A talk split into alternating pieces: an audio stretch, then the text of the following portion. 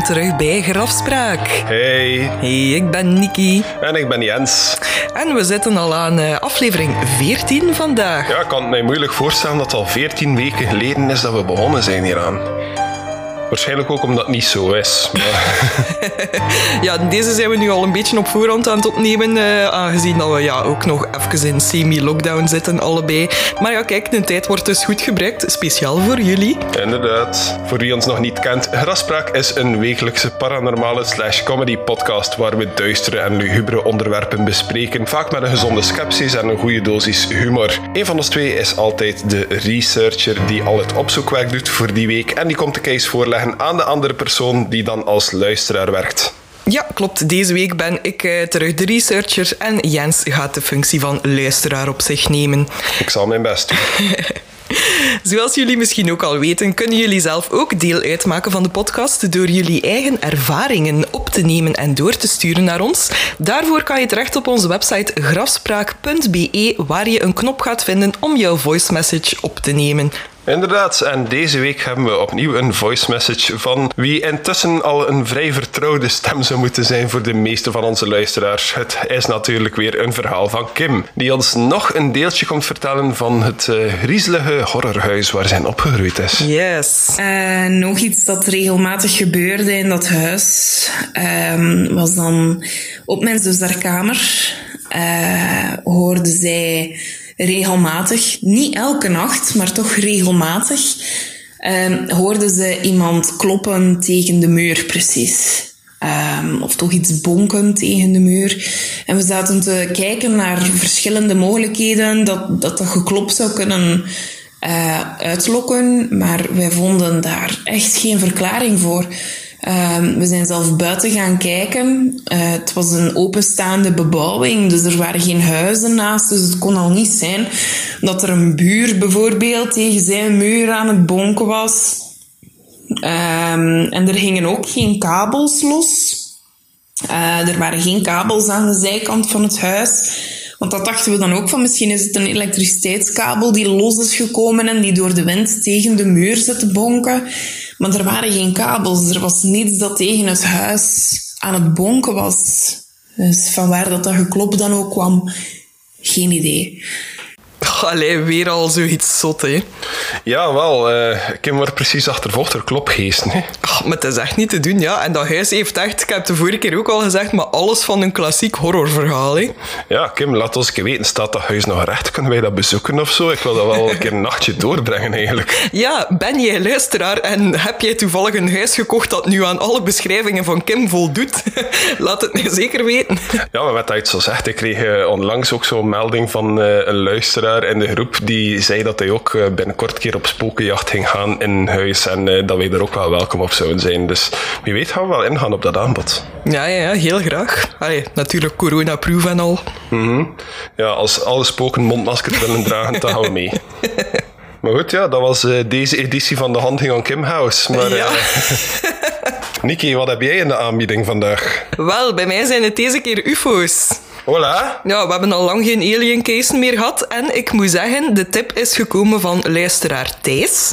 En uh, ja, ik wist er eigenlijk zelf niets van. Het is net voor mijn tijd gebeurd ook. Dus al, ik vond het wel boeiend om er zelf ook over op te zoeken. Dus uh, dank u wel alvast, Thijs. Was dat dat voorstel dat we in de groep kregen over zo'n Belgische ufo-golf? Ja, ja, ja, klopt, inderdaad. Ja, ik had er ook nog nooit van gehoord, eerlijk gezegd. Nu laat mij al een keer beginnen bij um, wanneer dat die golf juist geweest is. Het is begonnen in 1989 en het zou tot ongeveer begin 1991 geduurd hebben. Ah, oké. Okay. Ja. ja. Ik was al geboren toen, maar uh, nog niet echt bewust. Ja. Ik ben van 88, dus ja. Uh, ja, de UFO's hebben me hier gedropt en sindsdien loop ik hier om. Ja, en ik ben van uh, eind 1990, dus ja, misschien ben ik inderdaad ook gelijk op het hoogtepunt ergens hier achtergelaten. Maar wat ik wel vrij zot vond, ja, Thijs heeft dat nu al een kleine maand geleden, dus als jullie gaan luisteren, ja, meer dan een maand geleden hebben wij het idee al gekregen. Um, en nu wat dat wel uh, een grappige fun fact is, um, ik ben beginnen opzoeken wanneer dat exact gestart is, die UFO-golf. En toevallig loopt dat net samen met wanneer dat deze aflevering gaat geëerd worden, namelijk 29 eh, november. Ah, oké, dus het dat er niet om gedaan. Nee, nee echt niet. I swear. Ik heb, uh, ik heb letterlijk voor uh, gisteren de research gedaan. Oké, ja, tof. voilà, bij deze. Dus uh, ja, wij zijn uh, accidenteel topical. Accidentally topical. Dat zou nog een goede titel topical, zijn. Topical, het is 30 jaar geleden, maar goed. Dan? Soen was al honderden jaren geleden en dat was ook nog topical. Nu, omdat die UFO-golf natuurlijk al rond de 30 jaar geleden is, zijn er ondertussen al tientallen boeken en tv-reportages en honderden artikelen verschenen, waardoor dat er natuurlijk ook een paar eigen meningen en dergelijke in verweven geraken. Um, dus ik heb mij voor dit onderzoek eigenlijk voornamelijk gebaseerd op een bepaalde bron. Um, dat is een ja, samenvattend onderzoek een beetje, dat is uitgekomen vorig jaar. Uh, dat is opgesteld door Frederik de Lare. Dat is iemand dat al sinds 97 toch wel standvastig UFO-onderzoek doet. En die is mede-oprichter van het UFO-meldpunt. Dat al sinds 2007 bestaat ook. Ah ja, daar heb ik al van gehoord. Nog nooit nodig gehad. Wel, hoewel. Onlangs uh, kwam er zo'n verdrongen herinnering terug naar boven dat ik en een vriend effectief wel een keer een UFO gezien hebben. Of toch iets dat we dachten dat een UFO was. Maar uh, daar zal ik misschien straks meer over vertellen. Alright, we hebben die ja. niet gemeld aan het meldpunt. Oeh, dus okay. uh, moest je dit horen, Frederik, sorry. Kan ik nog melding maken? Laat het keer weten op graspraak.gmail.com. wel, nu dat we toch over dat meldpunt bezig zijn, ik vond het wel een keer interessant om die website een keer te checken om te zien hoe actief dat die nog was. En ik heb de meest recente melding even boven gehaald. Oh. Uh, ik heb daar een foto van, want ja, dat is echt Frederik de Laren natuurlijk ook. In this day and age, we hebben allemaal onze smartphone op zak. Dus uiteraard ja, gaat iedereen van het minste dat ze iets zien daar een foto van nemen natuurlijk. Mm -hmm. Ik ga hem even tonen. Ik zie drie vogels. Ik ga even de beschrijving erbij zetten uh, dat bij het bericht stond. Dus iemand ziet op 7 november 2020 om 12.31 uur 31 drie onbekende objecten voorbij vliegen in Machelen. Op twee van de drie voorwerpen werd het zonlicht helder weerkaatst. De objecten vlogen van zuidwesten naar noordoosten en werden ongeveer één minuut waargenomen. 7 november, dat is ja, het moment dat we dit opnemen, is dat vorige week. ja, en uh, het grappige is wel dat er ook altijd bij staat de, de evaluatie. In behandeling. Ja, ja, dus deze case is nog in behandeling. Dus allee, ik apprecieer wel dat ze inderdaad ook wel een beetje sceptisch zijn daarover en dat ook wel proberen onderzoeken of dat, dat wel degelijk zever is of niet. Jammer genoeg, toen, dat, toen dat wij iets gezien hebben, uh, heeft geen een van ons ook het inzicht gehad om er een foto van te nemen. En tegen dat we eraan dachten, was het eigenlijk al te laat. Ja. Wat dat wel jammer was. Ah, wel ja, ik ben nu een keer benieuwd. Misschien gaat het voorwerp wel... Allee, het voorwerp of ja, de, de ufo wel lijken op uh, ja, de foto's dat in deze case aan bod gaan komen. Hè. Ik ben een keer benieuwd. Wel, het keer vertellen? Ja. Oké. Okay. Dus... Uh, een tweetal jaar geleden, denk ik, was ik met, uh, met twee goede vrienden van mij was ik naar een beurs in Antwerpen geweest. Uh, Crisis heet dat. Wat dat zo, ja, wargaming, miniatuurbeurs is. Ik vind er alles van bordspellen, van, uh, van tabletop RPG's, dat soort dingen. Mensen die mij kennen weten wel dat dat een van mijn interesses is. Goed, Behoorlijk. Dus we waren naar daar geweest. En uh, we zijn op de terugweg.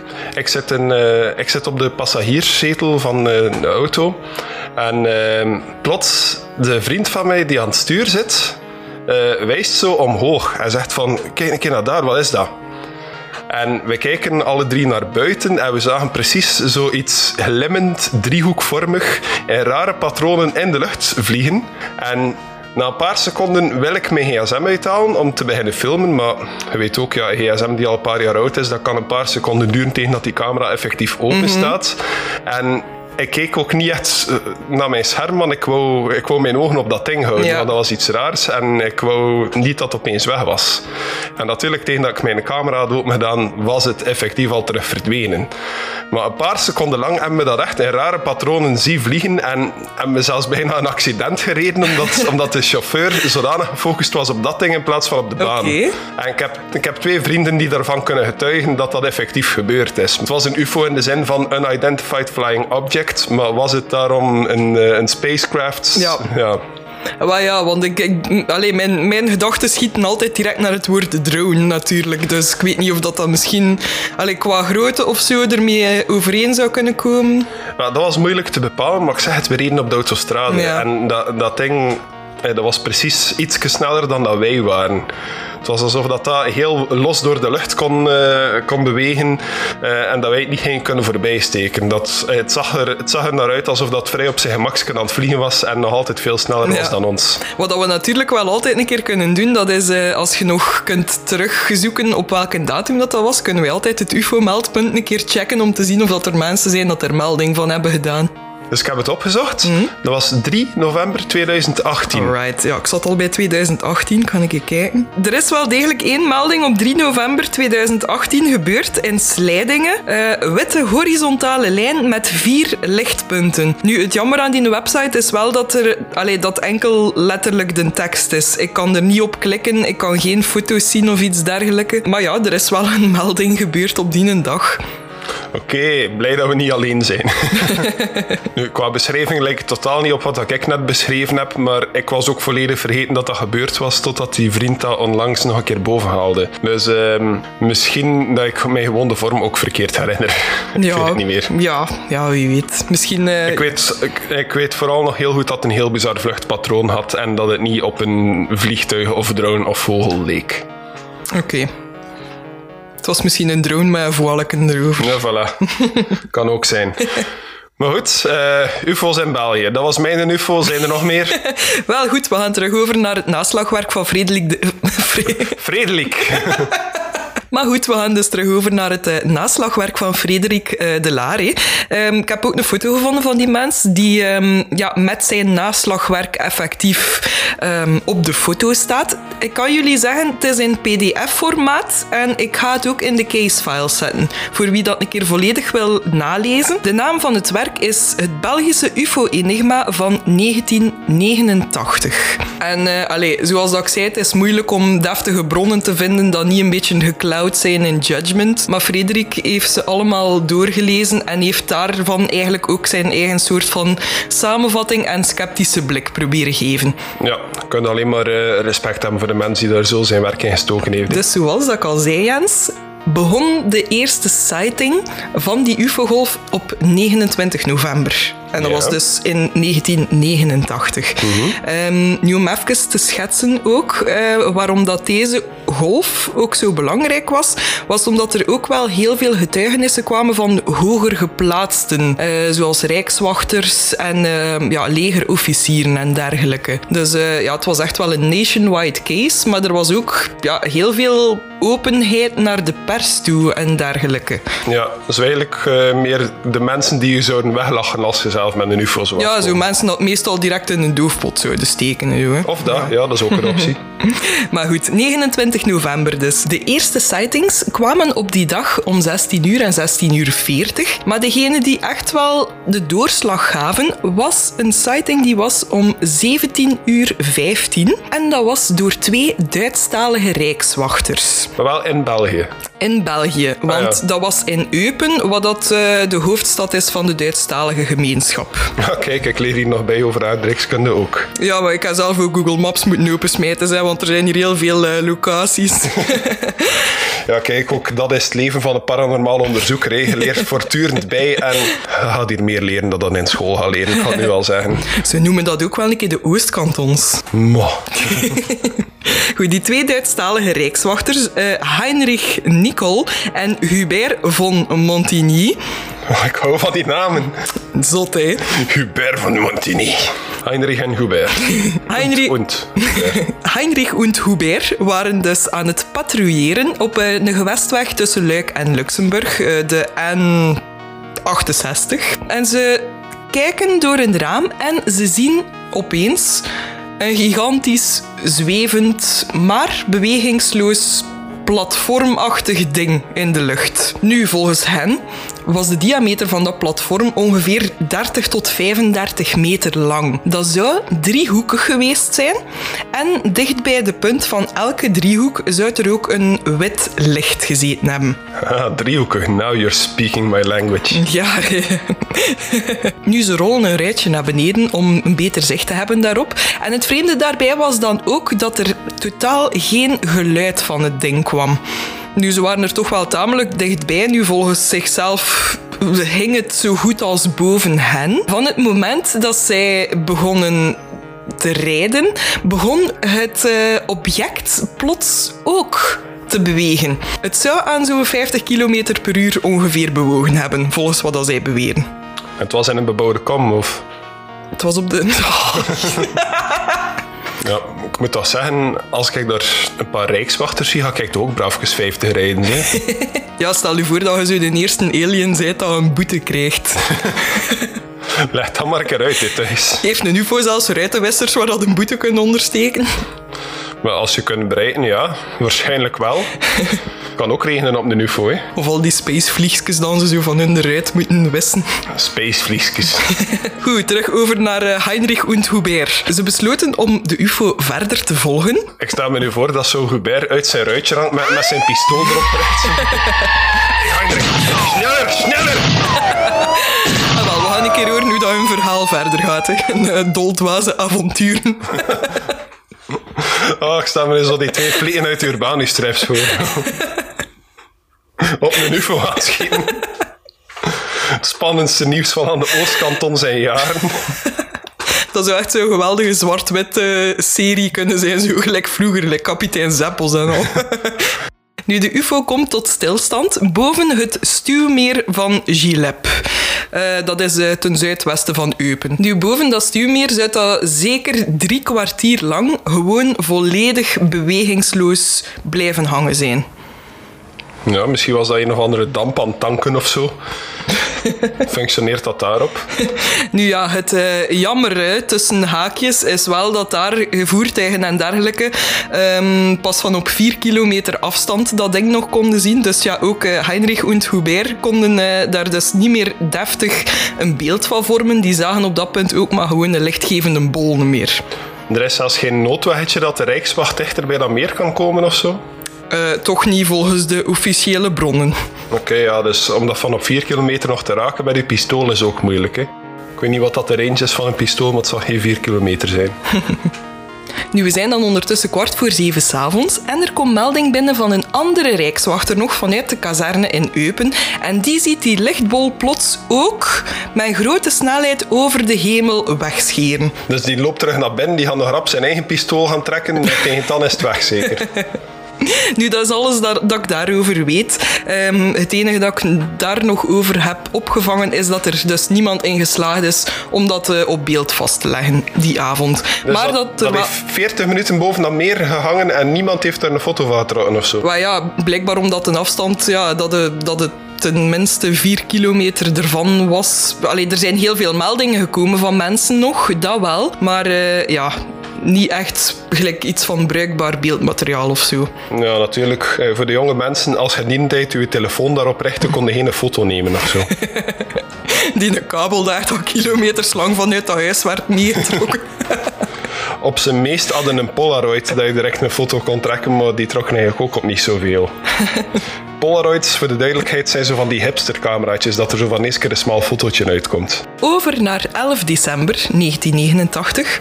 Daarbij is er een getuigenis van luitenant-kolonel bij de luchtmacht André Amon en zijn vrouw, die op een avond, ook vanuit hun auto, een driehoekig toestel in de lucht zagen zweven. En ook hij heeft hier melding van gemaakt, want hij heeft hierover zelfs een nota naar de minister van Landsverdediging gestuurd.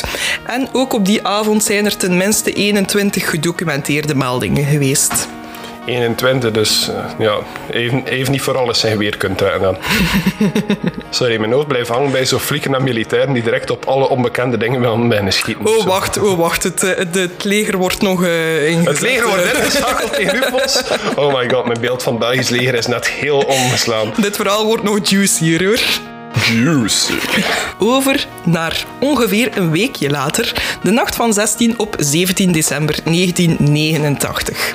Opnieuw komen er verschillende meldingen binnen van ja, heel grote lichtflitsen. Er worden terug rijkswachtpatrouilles ingezet, maar Jens, er worden ook twee F-16's ingezet. Oh, yes, yes, yes, yes, yes. Nu gaat de goede kant op. En succes. En, en Ze hebben, ze hebben de bron van de lichten ontdekt. Maar het waren de lichten van een dansing. Oké, dus ze hebben die dansing plat gebombardeerd. En wat dan?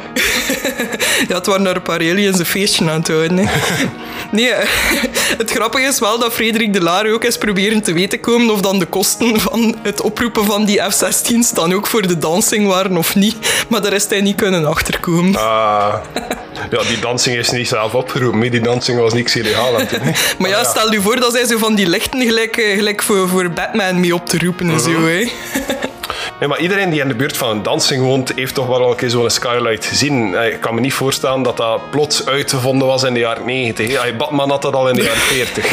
Ja, oké, we zijn ook wel het land waar dat er mensen de kerktoren en proberen te blussen omdat de maan erop zat. Dus. Voilà. Maar Jens, ik ga je niet teleurstellen. De F-16's zijn nog een keer ingezet geweest. Oeh, oké, dus we hebben twee Independence Days gehad in België. En nu komen we zelfs op het hoogtepunt van de UFO-golf, namelijk de nacht van 30 op 31 maart 1990. Acht dansings plat gebombardeerd. Het leger beschouwde het altijd als grootste succes tot nu toe. 60 aliens verloren daar al hun vrienden en familie. Vijf er val kapot. Nu, op de nacht van 30 op 31 maart werden onbekende voorwerpen gevolgd op de radar, gefotografeerd en waargenomen door naar schatting 13.500 mensen op de grond. 2600 van hem hebben schriftelijke verklaringen in detail afgelegd. En volgens het onderzoek van De Lare zouden het zelfs 50.000 Belgen geweest zijn die het fenomeen gezien hebben. Holy fuck. Oké, waar heb ik hier nog nooit van gehoord? Ga alsjeblieft verder. Zot, hè? Dat mijn ouders daar zelfs niet over verteld hebben of zo. Goed, dus zoals ik zei, de F-16's worden ook ingezet. En alles staat ook gedocumenteerd in een rapport dat daarover is opgesteld geweest. Eh, dat rapport is gemaakt door major Lambrechts van de luchtmacht. Het begint om 11 uur s'avonds en we bevinden ons in Glaaien. Nu, ik heb dat Glaaien? ja, ik heb dat zelf ook moeten opzoeken. Heeft ook een Franstalige benaming, namelijk eh Glon, als ik dat juist uitspreek. G-L-O-N-S. Eh, ligt juist onder de taalgrens, eigenlijk onder Tongeren ongeveer. Oké, ja. Nog nooit van gehoord, maar... Voilà, bij deze. Oké. Nu, ehm, het is wel een tamelijk belangrijk gebied, want daar ligt het controlecentrum van eh, de militaire luchthaven. En om 11 uur s'avonds ontvangen ze daar dan ook een melding van een zekere rijkswachter genaamd Rankin, of Renkin, ik ben niet zeker, ik ga hem Renkin noemen, eh, dat hij drie eigenaardige onbeweeglijke lichten zag vanuit zijn woning. En die waren zich aan het bewegen naar Torambay-Jean Bloeg. Ik heb dat ook nog een keer opgezocht, ongeveer onder Waver ligt dat. Opnieuw is heeft hij geprobeerd om erop te schieten. Nog tegen de tijd dat hij zijn pistool gevonden had in zijn slaapkamer, waren ze al lang weg. Nu, volgens die Rijkswachter was het licht veel feller dan sterren of planeten of iets dergelijks. Want ik moet wel zeggen, ehm, dus de eerste melding, daar op 29 november, boven eh, de stuwdam van Gilep, zijn er wel mensen die denken dat het ja, puur echt sterren of, of een planeet of iets dergelijks was. Kwestie van dat al een beetje te debunken. Oké. Allee, niet dat dat ooit bevestigd is geweest, maar sommige wetenschappers denken dat dat, dat, dat misschien de planeet Venus bijvoorbeeld zou kunnen geweest zijn, die die nacht heel helder ja, te zien was. Het is mogelijk, I suppose, ja. Maar ik denk niet dat dat zo snel beweegt dan. Ah, maar ja, het is dat, hè. Was dat dan hetzelfde object of hebben ze toevallig twee verschillende dingen gezien en dat aan elkaar gelinkt? I don't know. Maar terug over naar de huidige nacht waarover dat we het nu hebben. Misschien was Venus zo heel snel op weg naar een dansing of zo. I'm your Venus. Nee, goed. Terug over naar de nacht van 30 op 31 maart. Eh, Renke werd gevraagd om ter plaatse te gaan. En dat nog een keer extra te bevestigen. Maar er worden ook drie nieuwe lichtpunten gespot die zich bij de andere lichtpunten voegen. En ondertussen vangt het controlecentrum ook een ongeïdentificeerd contact op op hun radar. Nu, dan zijn we een half uurtje later, we zijn ongeveer half twaalf. Uh, en er arriveert een rijkswachtpatrouille en die bevestigt dan ook nog een keer het verhaal van Renquin. Uh, zij zien dus inderdaad ook wat dat zij denken twee toestellen met elk drie lichtbollen. En die blijven ook ten opzichte van elkaar in dezelfde formatie hangen. Oké, ja, ja, sure. Ja. Oké. en nu komt het, hè. Kort na middernacht stijgen terug twee F-16's op. Oh yes. Oké, highway to the danger zone. Let's yes. nu kan je hier wel een paar dingen voorlezen, want er zijn heel veel cijfertjes en dergelijke. Uh, er worden binnen minder dan een uur negen pogingen ondernomen om de UFO's te onderscheppen. Drie keer hadden ze kortstondig ook een lock-on op die UFO's. Maar van het moment dat dat gebeurde, dan zouden die UFO's plots drastisch van gedrag veranderd zijn. Waardoor dat contact dan ook weer weg was. Want uh, zoals dat ik hier gelezen heb, tijdens de eerste radar lock-on versnelde het doel van 240 kilometer tot meer dan 1770 kilometer per uur. Wat? Terwijl het van 2700 meter tot 1500 meter daalde en daarna weer steeg tot 3350 meter om weer tot bijna op grondniveau af te dalen. Holy fuck. De eerste daling van meer dan 900 meter nam minder dan 2 seconden in beslag. Ja, dat zijn echt wel zotte spotlights, hè? ja, en blijkbaar zijn ook ja, die, die twee andere lock-ons waarover dat ik sprak, begonnen ja, de UFO's dan ook weer op die manier heel drastisch van snelheid en, en van uh, hoogte te veranderen. Nu, wat dat wel belangrijk is om te melden, is de toestellen waren wel zichtbaar op de radar van die twee piloten, maar die piloten hebben ook wel gezegd dat ze op geen enkel moment zelf visueel contact hebben gehad. Dus het was enkel zichtbaar op het toestel, maar zij hebben het zelf niet gezien. Ja, Waarschijnlijk door de weersomstandigheden of iets dergelijks, maar uh, allee, dat is toch wel belangrijk om er al bij te vermelden. Dus die waren echt in het wilde weg aan het vuren gewoon. ik weet dat jij, dat jij hoopt dat er uh, geschoten wordt en dergelijke, maar uh, daar moet ik je al uh, teleurstellen, sorry. ja, ja oké. Okay. Belgische actiefilms zijn ook nooit zo spectaculair. Hè? Het is geen cowboys en aliens, sorry. Enkel maar teleurstelling. Nu, dat, dat duurde bijna een uur en ongeveer om één uur s'nachts um, ja, keren de F-16's dan terug naar de basis ja, na eigenlijk een contact met de toestellen. Dus dat stond allemaal in het rapport dat hij een major had opgesteld. Um, en dat rapport concludeert met te zeggen dat er geen eenduidige uitleg was voor deze waarnemingen. Ja, misschien was zo Belgisch oudste vijand, dus Nederland, dat hier met de experimentele aircrafts bezig was op ons grondgebied of zo? Uh, ja, wel, ik weet niet echt hoe dat, dat zit voor, voor zo van die dingen uh, geheim te houden. Um, Frederik de Lare spreekt in zijn werk er ook wel over dat hij e-mailcontact heeft gehad met een uh, ex-militair dat ook gewerkt heeft voor dat controlecentrum.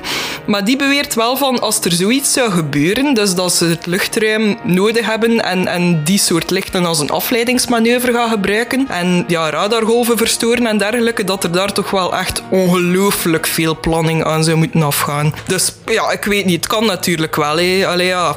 Op officiële basis misschien wel, maar je weet gewoon niet wat dat koningin Beatrix allemaal achter de schermen gedaan heeft in die tijd. Hé. Wie weet hoeveel ufo's heeft zij naar onze kanten gestuurd om hier met ons te experimenteren. Dioxinecrisis, Beatrix. Treinramp in Wetteren, Beatrix. Ik weet niet wat er hier nog allemaal gebeurd is, dat ze zij kan tussen gezeten hebben, maar je moest ze in de gaten houden hoor. Maar Wetteren heeft ook ooit de patatenoorlog gehad, dus misschien heeft dat er ook wel iets mee te maken. Patatenoorlog, Beatrix. Aan onze uh, Nederlandstalige luisteraars, sorry. Um, voor de Nederlandse uitgave van deze podcast hou dat allemaal veranderen naar Philippe. of Albert, sorry. Ja, in die tijd was het nog Albert. Nu, dus dat was de, de, de hoogtepunt nacht, zou ik nee, maar sorry, zeggen. Maar ik moet toch nog een keer zeggen, er zijn hier duidend minder UFO's gezien sinds dat Willem-Alexander aan de macht is. Hè? Die, die mens zijn regeringsperiode is gestart met, met dat belachelijk nummer dat alle Nederlanders samen gemaakt hadden. En sindsdien hebben we daar geen last meer van gehad, van die mens. Jij weet gelijk zoveel over het Nederlandse koningshuis. Beatrix, ik zeg het, je moest in de gaten houden.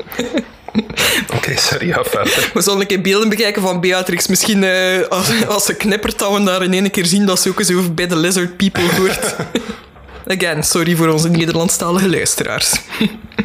maar goed, Jens, zoals ik had gezegd, zijn er dus heel veel uh, meldingen geweest van mensen dat dat ook hebben zien gebeuren. En er zijn ook foto's gemaakt. Ik ga u een keer een foto tonen. Hij staat hier onder uh, Frederik de Lare. Wow, oké. Okay. Ja, ik ben mee. Zeg, ja. maar, zeg maar aan de luisteraars wat je ziet. Oké, dus uh, ik zie een, het ziet er eigenlijk iets uit uit uh, de Marvel Cinematic Universe. Zo. Uh, stel je een driehoek voor die in de lucht hangt. alle drie de punten zijn heel fel verlicht. En er is ook nog een, een lichtpunt in het midden. En als ik het goed zie, het is een klein fotootje, ziet het eruit alsof dat midden een beetje dieper uitsteekt dan de rest. Zo gelijk ja, de top van een piramide eigenlijk een beetje, maar veel, veel minder diep. Ik zie precies wat lijnen van de drie hoeken naar het midden gaan. Alsof dat er daar, ja, dat er daar een diepteverschil in zit. Ja, dus de algemene consensus is dus dat er uh, drie lichten aan de uiteindes van de driehoek zijn. Die zijn wit en in het midden zou er dan een rood knipperend licht geweest zijn. Ja, het kleurverschil is ja, niet opgevallen. Maar... maar... het is eigenlijk een dia, deze foto. Dus ja. misschien daarmee door de kwaliteit. Ja, ze zien er allemaal rood uit. Maar dat zal misschien de schijn zijn die erop Het was begin jaren 90. Je kunt... Uh, Alle allee, foto's waren rood doen. Je moet geen hoge verwachtingen hebben van de fotokwaliteit doen, hè. Nu, ik nog een fragmentje voor u ook, Jens, dat een keer ga laten spelen. Dat is een interview met kolonel De Brouwer. Uh, en die stond aan het hoofd van uh, de luchtmacht. Um, en Allee, met alle respect voor die mens, maar zijn Engels is in de eerste plaats al fantastisch. En ik ga ook de link in de casefile zetten, want zijn natuurlijk ook weer die typische early 90s beelden. Dat is altijd wel een keer leuk om te zien ook, hè.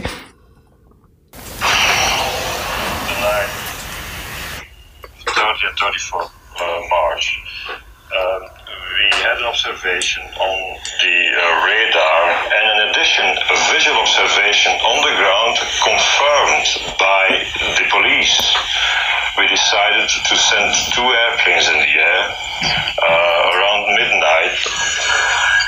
This video of the F-16's radar track of the object showed the performance of a vehicle of a totally unknown origin. The Air Force were at a complete loss to explain their findings. A press conference was called. What these pilots uh, uh, detected was well outside the normal flying envelope of an airplane. Sometimes they had what we call lock-ons, which gave a parameters varying from speed between 150 knots till uh, 990 knots. Uh, an acceleration which occurred in a few seconds. The Americans denied it was a secret spy plane, so could it have been the first official contact with an alien craft? Ja, wel zot om te zien dat het Belgische leger dan effectief zo'n internationale persconferentie heeft. Hé. En eh, kolonel De Brouwer is, uh, ja, het is zo... Zou ik zeggen, die, die mens was duidelijk verveeld dat hij dan een wetenschappelijke uitleg moest geven. Dat is nog zo'n nou een typische Belgische kolonel van eerst schieten net dat vragen ja. staan. Dus die wou gewoon die ding uit de lucht knallen en dan wel zien wat dat was. Hij wou dat niet aan de internationale pers moeten uitleggen waarom dat het niet gelukt was om, om een, uh, om een uh, accurate observatie te maken van wat dat, dat ding was. Ja. Die wou duidelijk dingen uit de lucht knallen. Hè. Maar zoals ik zei, het blijft inderdaad wel zot dat dat allemaal zo gecommuniceerd is geweest naar de pers. Hè. Ja, wel, wat je inderdaad niet, niet rap gaat zien. Maar het is wel terecht de vraag die gesteld wordt van misschien was het een of ander uh, experimenteel spionagevliegtuig van een, van een ander land of zo. Ja. Sam heeft ook aan Amerika gevraagd. Natuurlijk gaat Amerika dat dan ook niet toegeven. Maar ik denk ook niet dat die vliegtuigen hebben die een snelheid van 1000 km per uur kunnen halen. Of Nee. toch zeker niet in die tijd. Maar ja, het is ook allemaal hearsay. Hè. Het, het kan inderdaad misschien gewoon een decoy geweest zijn voor eh, een ander stuk luchtruim vrij te maken voor iets anders, hè, zodat de aandacht was afgeleid. We zullen het waarschijnlijk nooit weten. Niet met die attitude, nee. Zijn wij niet de paranormaal onderzoekers? Ah, wel, kijk, maar ik zal een keer tot het punt van het onderzoek komen nu. Hè. Oké. Nu, we beginnen bij eh, Wim van Utrecht. Die komt later ook nog aan bod, want die had wel een groot eh, aandeel ook in het onderzoeken van de echtheid van al deze claims. Ehm, die heeft onderzoek gedaan dus. En wat bleek, een van de twee F-16-piloten had blijkbaar een verkeerde handeling uitgevoerd, waardoor dat zijn radargegevens al niet bewaard waren gebleven. En zoals dat ik ook zei, de piloten hadden zelf ook geen visueel zicht op de toestellen. Dus alleen één van de twee kunnen we eigenlijk al sowieso debunken. Toevallig die ene F-16-piloot had ook een grijze huid en grote tennisbalogen. maar dat is dan los van de rest. Nu, een belangrijke naam om daarbij ook direct te vermelden is professor Auguste Meesen. Uh, dat is een natuurkundeprofessor uh, aan de Universiteit van Louvain-la-Neuve, blijkbaar. Maar um, die is toch wel een beetje... Uh, hmm, speciaal te noemen, zou ik maar zeggen. Professor Meesen was namelijk ook werkzaam bij SOBEPS. En dat is de afkorting van de Société Belge d'études des phénomènes spatiaux. Oké. Okay, ja. Dus ja, de, de, de, de Belgische Society van de, de studie voor de uh, ja, ruimtefenomeen. Ja. Kort vertaald. Okay. Um, en die société heeft ook twee naslagwerken uitgegeven, namelijk uh, genoemd Vague d'OVNI, wat al letterlijk UFO-golf wil zeggen. En dat is ook wel een leuk questje datje. Nu weet ik dat OVNI ook de Franstalige afkorting van UFO is, want dat wil zeggen Objet Volant Non Identifié. Maar ja, nog, nog nooit bij stilgestaan eigenlijk dat er andere benamingen voor UFO's zijn. Ja, want Franstaligen, allee, die, moeten er, die moeten alles dubben. Hè. Ja, oké, maar als paranormaal onderzoeker kan je ook niet bezighouden met elke vertaling. We, we zijn veel te druk bezig met gewoon in het luchtruim in het rond te schieten in het geval dat je een alien kan raken. Hè. maar ik ga ook een keer ondertussen de cover al tonen van die hun naslagwerk. Uh, dus dat is terug de foto. Hè. Ja, ja, ja. Daarover straks meer.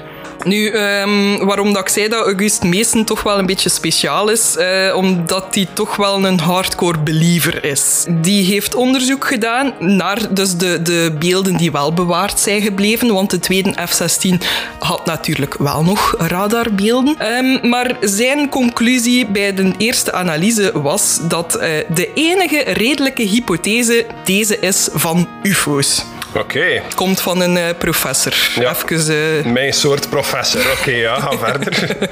ik weet het niet, dus het is een UFO. Nu, de sceptici, waaronder dus ook Wim van Utrecht, reageerden daarop direct met een uh, parallel uitgevoerde analyse. En die toonde wel aan dat er grote fouten waren gemaakt bij de interpretatie van de opnames van die tweede F-16. Want het officiële onderzoek laat zien dat in tenminste drie van de tien registraties dat gebeurd waren door de boordradar. Um, van die F-16, dat drie daarvan dus gewoon de andere F-16 waren, dat hij op zijn radar had. Ja, oké, maar ik kan me zeggen over details, maar hadden wel dat een UFO is, is een UFO. Wel, ze hebben dan ook geprobeerd om uh, al die andere uh, radarbeelden dan ook nog te, te debunken, zou ik maar zeggen. Um, dus daarbij werd dan bijvoorbeeld gedacht aan de weerkaatsing van radargolven op uh, ja, lagen van de luchtmassa's. Ik weet niet hoe dat, dat juist werkt, maar dat zou dus ook een fenomeen zijn dat dat zou kunnen verklaren. En dan wordt er bijvoorbeeld ook weer aan sterren of planeten of iets dergelijks gedacht. nu, de sceptici beweren ook dat het effectief de bedoeling zou kunnen geweest zijn dat een afleidingsmanoeuvre was voor bijvoorbeeld vluchten met experimentele vliegtuigen of bepaalde ballons of iets dergelijks. Of zelfs om een gebrekkige omgang met pas aangeschafte apparatuur toe te kunnen schrijven aan een externe oorzaak. Als sterren of planeten of zo zijn, gaan die toch niet in het luchtruim hangen en dan duizend kilometer per uur verplaatsen. En als je de aandacht wil afleiden van iets, oké, dan is het inderdaad wel een goed idee van, uh, van een heel snel voertuig te sturen dat, dat, uh, dat niet gekend is en dat mensen op een radar gaan zien. Maar dat wil toch niet zeggen dat niemand anders uw vliegtuig kan zien? Er wonen nog mensen in België die naar het luchtruim kunnen aan het kijken zijn. Hè? Ja, wel, en dat brengt mij eigenlijk ook terug naar dat interview dat De Lare met die eh, ex-militair had gedaan. Daarbij is die ook heel erg nuchter, want die besluit eigenlijk heel zijn communicatie door te zeggen van als aliens echt zulke geavanceerde technologie hadden, dat één, als ze niet willen gezien worden, dan ze ook niet gaan gezien worden. En twee, dat als ze zich dan zouden tonen, dat dat met alle respect niet in een boerengat van Wallonië zou zijn, maar dan eerder in een grootstad gelijk Londen Londen of New York. En was te zien welke, welke soort dat zij beschouwen als de intelligente soort van op aarde. Want eh, ik, ik twijfel er ook elke dag meer en meer aan of dat mensen wel effectief de meest intelligente species hier zijn. Ja, ja, volgens mij zijn die aliens gewoon aan het wachten tot als dat de aarde inderdaad volledig wordt uitgeroeid door de zon die toch al aan het uittoven is. Om dan hier gewoon een nieuwe settlement te starten of zo. Jawel. En als alien had u toch ook niet plots gaan tonen als zo twee trigger-happy rijkswachters die, eh, die zomaar in het luchtruim begint te schieten of aan de kolonel die al zijn F-16's op u afstuurt van "Ah, haal dat uit mijn luchtruim. Nee, ik, zou- ik zou ook weer weg zijn, zeg. Oh, ik wil echt een eh, Heinrich und Hubert eh, reeks. Dat ze echt zo abducted worden door aliens. Ja, echt, fuck de buurtpolitie. Dit zou de buurtpolitie moeten zijn, hè. Ah, en die serie gaat dan gewoon door met twee aliens. Dan zou dat Rijkswachtpakje weer aan hebben. Make it happen. Ja, echt. Ik ben soms zwaar teleurgesteld in de kwaliteit van Vlaamse reeksen, maar dit kan het redden. Nee, een, een, een reeks over twee vliegen in een auto die door in de raam aan het schieten zijn op aliens. Echt, maak daar tien afleveringen van, zend dat uit op één en Vlaamse tv is gered. Ik zeg het u nu. En graag eh, 10% voor ons door het aanbrengen van het idee, dank u wel. En 5% voor de gebruiksrechten. Maar goed, terug naar de case. Eh, ik had u dus daar juist eh, de cover getoond van eh, het boek van de Sobebs. Eh, wat dat dus de, de genomen dia was van een van de mensen die het die avond hadden meegemaakt. Ehm, nu, de persoon die deze foto had genomen heet Patrick Marchal. Was 20 jaar op het moment dat hij dat nam. Ehm, en dat is eigenlijk ook heel toevallig gekomen, omdat zijn vrouw net de hond aan het uitlaten was. Zij had ja, die, die lichtpunten ook in de hemel gezien. Dus zij is vlug Patrick gaan halen eh, en hij heeft dat dus kunnen vastleggen. Hij had blijkbaar twee foto's kunnen nemen, maar tegen dat die ontwikkeld waren, was er blijkbaar ene mislukt. En heeft hij gelukkig nog die een andere dat we nu hebben gezien nog kunnen nemen. Oké. Nu, in november 1990 werd de foto ook voor het eerst gepubliceerd. En in de jaren die daarop volgden werden er verschillende technische analyses gedaan, eh, waarbij dat professor Mason terug het voortouw nam. En deze concludeerde ook dat de foto authentiek was. Nu heb ik het volgende YouTube-fragment voor u klaarstaan, want eh, hier komt ook terug Wim van Utrecht op de proppen. Die heeft namelijk geprobeerd om een soort van tegenexpertise te doen en eh, die foto te proberen debunken. Daar gaan we ook even naar kijken. Nu, we gaan er maar een klein stukje van bekijken, want het duurt in totaal 20 minuten. Maar voor wie wil, het gaat in de casefile staan. Het is een eh, reportage van VTM van 1995. Zeg, Niki, waar kunnen mensen die casefile vinden? Grafspraak.be Sorry. Er zit een radiospotje. Raafspraak.be Grafspraak.be Goed. YouTube-filmpje dus. Hey iedereen, dit is Copyright Jens om te zeggen dat de audio van deze video niet meer in de aflevering zit. Dit omdat we onszelf een beetje willen beschermen tegen klachten omtrent copyrights. In het verleden dachten we dat we dit allemaal onder creatief gebruik wel mochten benutten in de podcast, maar eh, dat bleek toch niet het geval te zijn, dus helaas hebben we dit moeten verwijderen. Je kan de video nog steeds vinden in de casefile op graspraak.be. Geniet verder van de aflevering. Stonden van de UFO-verhalen in België. En dat ook dus die driehoek, die toen zeer populair was, de drie lichten in elke hoek met, een rood licht. Dus we hebben eh, nu even eh, de theorie van Wim van Utrecht bekeken. Eh, wat denk jij ervan? Maar ja, ehm, het is goed dat hij er zo sceptisch tegenover staat natuurlijk. Dat hij eh, die een foto ook heeft kunnen zelf opnieuw maken, want het leek er wel heel goed op. Hè? Ja. Eh, de vergelijking zal ook in eh, de casefile staan op uh, grafspraak.be. en daar zullen mensen zelf de vergelijking kunnen maken. Ehm, nu, zijn sceptische insteek is natuurlijk heel goed. Ja, nee, inderdaad. Ehm, het is wel goed dat er een beetje een weerwoord komt ook. ehm, want ja, het blijft een fascinerend figuur, die professor Mason. Hij zit ook mee in dat eh, interview ehm, dat we nu net bekeken hebben. eh, dus, allee... Bekijk het zeker een keer. Ik vind het vrij interessant om de twee kanten, zo de believers en de misschien believers, toch wel eh, aan het woord te laten tegen elkaar. Ja, inderdaad. Nu, in het jaar 2000 is er mogelijk nog een nieuwe verklaring gekomen ehm, voor ja, die lichten, die driehoekige platforms. Ehm, namelijk van de kunstenaar Michael Kuzmek ehm, woonde in Brussel, was een Hongaarse, nogal excentrieke uitvinder. En die zou ehm, ja, een soort van op afstand bestuurbare heliumballonnen ontworpen hebben, die ook toevallig zo dat driehoekig platform hadden ehm, en waar dat er ook ja, lichten konden of aan bevestigd waren. Eh, maar Kuzmek trok zijn verklaring wel terug in, omdat hij toen wel besefte dat er toch wel zware straffen kunnen staan op het eh, ja, oplaten van zo van die dingen s'nachts zonder daar toestemming voor te krijgen, blijkbaar. Ja, sorry, maar elke keer dat er een UFO gezien wordt, is er toch wel iemand die afkomt van het was een weerballon, hè? Ja, want dat, is ook, dat is inderdaad ook wat dat de Lare zegt uh, uh, op zijn UFO-meldpunt. Er is een paar jaar geleden een keer een weerballon boven Gent gespot geweest of zo, en blijkbaar ging dat meldpunt dan ook echt wild.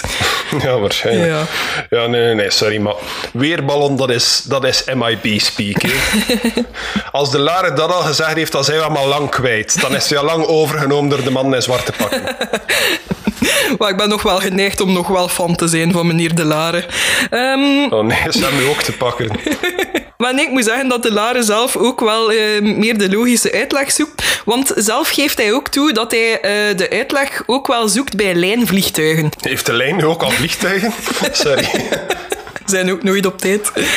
Want um, ja, blijkbaar, de lijnvliegtuigen heeft dat ook zo, die typische driehoeksformatie van witte lichtjes die aan de neus en aan de vleugelpunten zijn, met dan ook blijkbaar een rood knipperend lichtje op de buik. En dat hij zelf ook wel heeft gemerkt dat als hij dat s'nachts ziet, dat je dan ook wel zo, ja, misschien dat je uh, gedachten een beetje aan het uh, voelen zijn met je, maar dat dat dan ook zo een driehoekige vorm heeft. Ja, oké, maar toch, die, die foto zag er niet uit als een lijnvliegtuig, hè? Ja, nee, dat is waar. Maar... Ook al kan die foto wel getruckeerd geweest zijn. Allee, als we ervan uitgaan dat die foto van een echt object is, dan is dat geen lijnvliegtuig. Wel, Jens, mag ik uh, besluiten met uh, de verklaring voor de foto te geven? Ja, dat mag je doen. Want in 2011, dus 21 jaar na dat de foto genomen is geweest, heeft Patrick Maréchal bekendgemaakt dat hij gewoon samen met een collega een grap wou uithalen. Oh, boe. Dat hij samen met zijn collega het model uit piepschuim had gesneden, er zaklampen aan bevestigd heeft en dan met touwtjes in een boom heeft gehangen.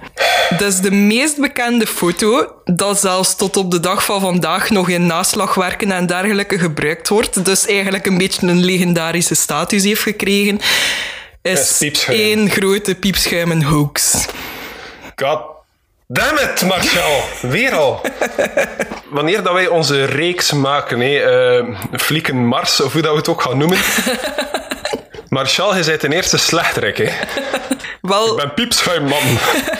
Wel vrees sterk dat hij dat 21 jaar geheim heeft kunnen houden. Ik stel me dat zo voor dat hij dat zo op zijn sterfbed heeft gedaan. Zo, gelijk die een dat beweert dat hij de rechtvaardige rechters heeft gestolen.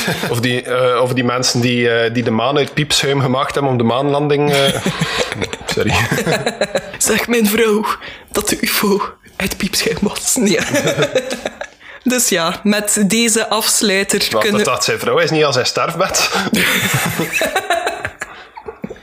Had, had hij iets beter te doen? Maar ja, zijn vrouw was al afgetrapt omdat ze het van de eerste avond al niet geloofde. Met zijn piepschuim altijd. Maar dus met deze laatste afsluiter denk ik dat we wel kunnen overgaan tot uh, ja, de conclusie. Die wel algemeen duidelijk is, denk ik. De lichtjes en de, de driehoekige formatie en al de sightings dat er op heel korte tijd door heel veel mensen geweest zijn. Wat denkt u daarvan? Wel ja, je zit natuurlijk wel met een kwestie dat heel veel mensen dat gezien hebben en onafhankelijk van elkaar. Hè. Dus er moet daar toch wel iets geweest zijn. Was het een UFO, dat weet ik niet, maar er moet iets in het luchtruim geweest zijn op dat moment. Ja, inderdaad. Ik weet niet of dat drones gelijk echt al een ding waren in die tijd of zo. Maar nee, uh, nee. ik ben geneigd om inderdaad wel bijvoorbeeld bij dat, bij dat drie kwartier lang stilstaand lichtpunt te geloven dat dat wel een planeet was. Allee, dat er misschien even een verwarring is geweest dat een bepaald vliegend object met dat dan ook verward werd geweest. Wat dat, dat vliegend object zelf dat was, weet ik ook niet. Ja, maar Eh, een planeet dat eerst een half uur lang aan 50 per uur heeft verder gevlogen om dan tot complete stilstand te Ja, maar ik komen. zei het, volgens mij en die rijkswachters gewoon twee dingen als één verward of zo. Ja, oké. Het was natuurlijk late jaren 80, begin de jaren 90. Eh, het was al niet nodig om zelf te blazen om bij de Rijkspacht binnen te mogen. Dus wie weet wat dan die gasten al gedaan. Of waar ze op zitten schieten. Geen mens weet het, maar ze verdienen een tv-reeks. En allee, het is natuurlijk ook bij al het onderzoek van al die claims, hadden echt elke melding van, van gelijk die meer dan 10.000 claims dat er zijn gemaakt, hadden die echt allemaal onderzoeken. En hoe neutraal zijn je daarin ook? Want eh, er zijn ook wel leden van die SOBEPs geweest, dat effectief die, eh, die mensen die die getuigenissen hebben gegeven, eh, ondervraagd hebben. Zijn die daarbij ook onpartijdig genoeg geweest of niet? Allee, zijn alle claims wel degelijk echt geweest? Of hebben sommigen een beetje ja, zich laten leiden door de media-hetsen? Allee, het zijn allemaal vragen dat erbij kunnen gesteld worden. Hè? Ja, tuurlijk. Het is volgens mij heel moeilijk om als je, als je al een, eh, de autoriteit hebt om UFO's te onderzoeken, om daar inderdaad volledig neutraal in te zijn. Of daar wilde dat echt is, of daar geloofde er totaal niet in en wilde het volledig ontkrachten, gelijk welk bewijs dat je voor je krijgt. Dus Ja, want dat, dat wordt die ex-militair ook laten weten. Ehm, ja, ik heb al heel een tijd geen naam gezegd, omdat uit respect voor die mens de Lare ook geen naam had gebruikt. Maar die zei dus effectief ook dat, dat Sobebs dus ook eh, toegang had gekregen tot al het materiaal van dat controlecentrum. Ehm, maar dat die ook wel ongelooflijke assholes waren. Hij, hij noemt ze een bende arrogante pseudo-intellectuelen die iedereen dat ook maar enige vorm van kritiek had op hen eh, als een idioot behandelde. ah, dus, eh, hij had zijn bewijs op Twitter gegooid. Dus ja, Jens, gaan we overgaan tot de ja of de nee? Zou moeten, nee. Ja. Alles overwogen dat je mij getoond en verteld hebt, eh, is er toch nog te veel dat gemakkelijk kan ontkracht worden of het tegendeel kan bewezen worden. Dus ik ben eerder geneigd om te zeggen dat het geen UFO's waren, of toch geen spacecrafts. Het waren wel degelijk UFO's in de zin dat het eh, ongeïdentificeerde vliegende objecten waren. Ja. Maar kwamen die van een ander planeet of een ander melkwegstelsel of gelijk wat? Mm, Ik denk het niet. Denk Maar laten we er wel van uitgaan dat Patrick Marichal wel een alien is. Ja, ja, absoluut. Die, die man zijn we volledig kwijt. Is ingenomen door de Men in Black. Ehm, je hebt het hier eerst gehoord. Zijn geheugen is gewist, zijn persoonlijkheid is gewist. Er is gewoon een andere entiteit in zijn lichaam gekropen. Dat nu bezig is met stil aan de schaduwoverheid over te nemen. Sorry, ik word kwaad als ik over die MIB bastards denk. Wat denk jij? Professor Meesten is een alien. Ja, ik, eh, ik geef u daar volledig gelijk in. Voor mij is het inderdaad ook een nee. Dus de Belgische UFO-golf van in de late jaren 80, vroege jaren 90. Helaas, het, is, het was te mooi om waar te zijn en zo bleek het ook. Klopt. En daarmee kunnen we de aflevering voor vandaag besluiten. Oké, blij dat we zo nog een keer iets op eh, Belgisch grondgebied of toch in Belgisch luchtruim hebben kunnen doen. Ja, en ik ben er heel blij mee dat dat, dat, dat effectief een tip is geweest dat van een luisteraar is gekomen. Wat kijk, jij en ik, wij wisten er alle twee niet van. En allee, we hebben nu toch wel iets boeiend bijgeleerd. Hè? Jawel. En bij deze ook nog een oproep aan de luisteraars. Hey, kijk, als paranormaal onderzoekers hebben we het dikwijls zodanig druk met eh, kogels in het luchtruim te schieten in de hoop van iets te raken. Of met, gewoon met een plastic zak rond te lopen in een donker huis in de hoop dat we daar een spook gaan vangen of zo. dat we amper tijd hebben om onderwerpen op te zoeken. Dus alsjeblieft, help ons daarbij en stuur ons jullie suggesties door. Zo kunnen wij grafspraak ook draaiende houden en kunnen wij tot boeiende cases blijven komen. En jullie zijn daar een heel belangrijk aandeel in. Dus als je iets in gedachten hebt dat je denkt van oké, dat wil ik eens horen besproken worden, daar wil eens iemand anders eh, zijn mening over horen, stuur het door naar ons. En eh, als we er genoeg informatie over kunnen vinden, zullen we er een aflevering over maken. Dat is een Jens Guarantee. Ja, en je kan dat gerust op verschillende manieren laten weten. hè. We hebben bijvoorbeeld op onze website, eh, grafspraak.be, nog een keer, hebben we een contactformulier. Maar ook via de sociale media is dat mogelijk. Want op Facebook hebben wij zowel een pagina als een groep. Alle twee te vinden onder grafspraak. En in die groep mag dat gerust ook gesmeten worden. Hè. We hebben daar al eh, een paar goede tips gekregen van luisteraars. En allee, daar kun je echt alles kwijt. Memes of iets dergelijks gerust ook. Maar daar mag je gerust ook uw tips droppen. Ja, inderdaad. Maar niet enkel op Facebook. We zijn ook aanwezig op Twitter en Instagram. We hebben sinds kort ook een YouTube-kanaal. Ja, en op de website kan je ook niet enkel dat contactformulier invullen eigenlijk. Want je kan ook een voice message doorsturen, zoals Kim gedaan heeft aan het begin van deze aflevering. Uh, en daarin kan je je eigen paranormaal verhaal kwijt, kan je suggesties doen, kan je opmerkingen geven, verbeteringen als die er eventueel ook zijn. Alles is welkom. Daarnaast, op onze website, staat er ook nog een keer een Buy Me a Coffee link waar je een kleine donatie aan de podcast kan doen als je dat wilt. Daar staat er niets tegenover. Maar als je wel waar voor je geld wilt, hebben we sinds kort ook een webshop waar je t-shirts, koffiemokken, stickers en wat was nog? Toadbags. En toadbags kan kopen. Allemaal met het Graspraak logo op en elke aankoop steunt de podcast ook een beetje. Dus als je lid wilt zijn van onze cult en je wilt in het openbaar ook andere cult-members tegenkomen, koopt u dan een toadbag, dan zijn de herkenbaar. Is dat wel een goed idee dat we hier uh, publiekelijk zeggen dat het een cult is? Ah shit, heb ik cult gezegd? Ik bedoel club. Club, ja. uh, Facebookgroep. Zo, dan rest ons nog jullie gewoon terug te bedanken om te luisteren. En als je het weer een leuke aflevering vond, ga dan gerust ook naar Apple Podcasts en geef ons die 5 sterren rating. Want wie geen 5 sterren rating heeft, zou alleen zijn bezoekje kunnen krijgen van Heinrich und Hubert. Tot de volgende grafspraak allemaal. Bye!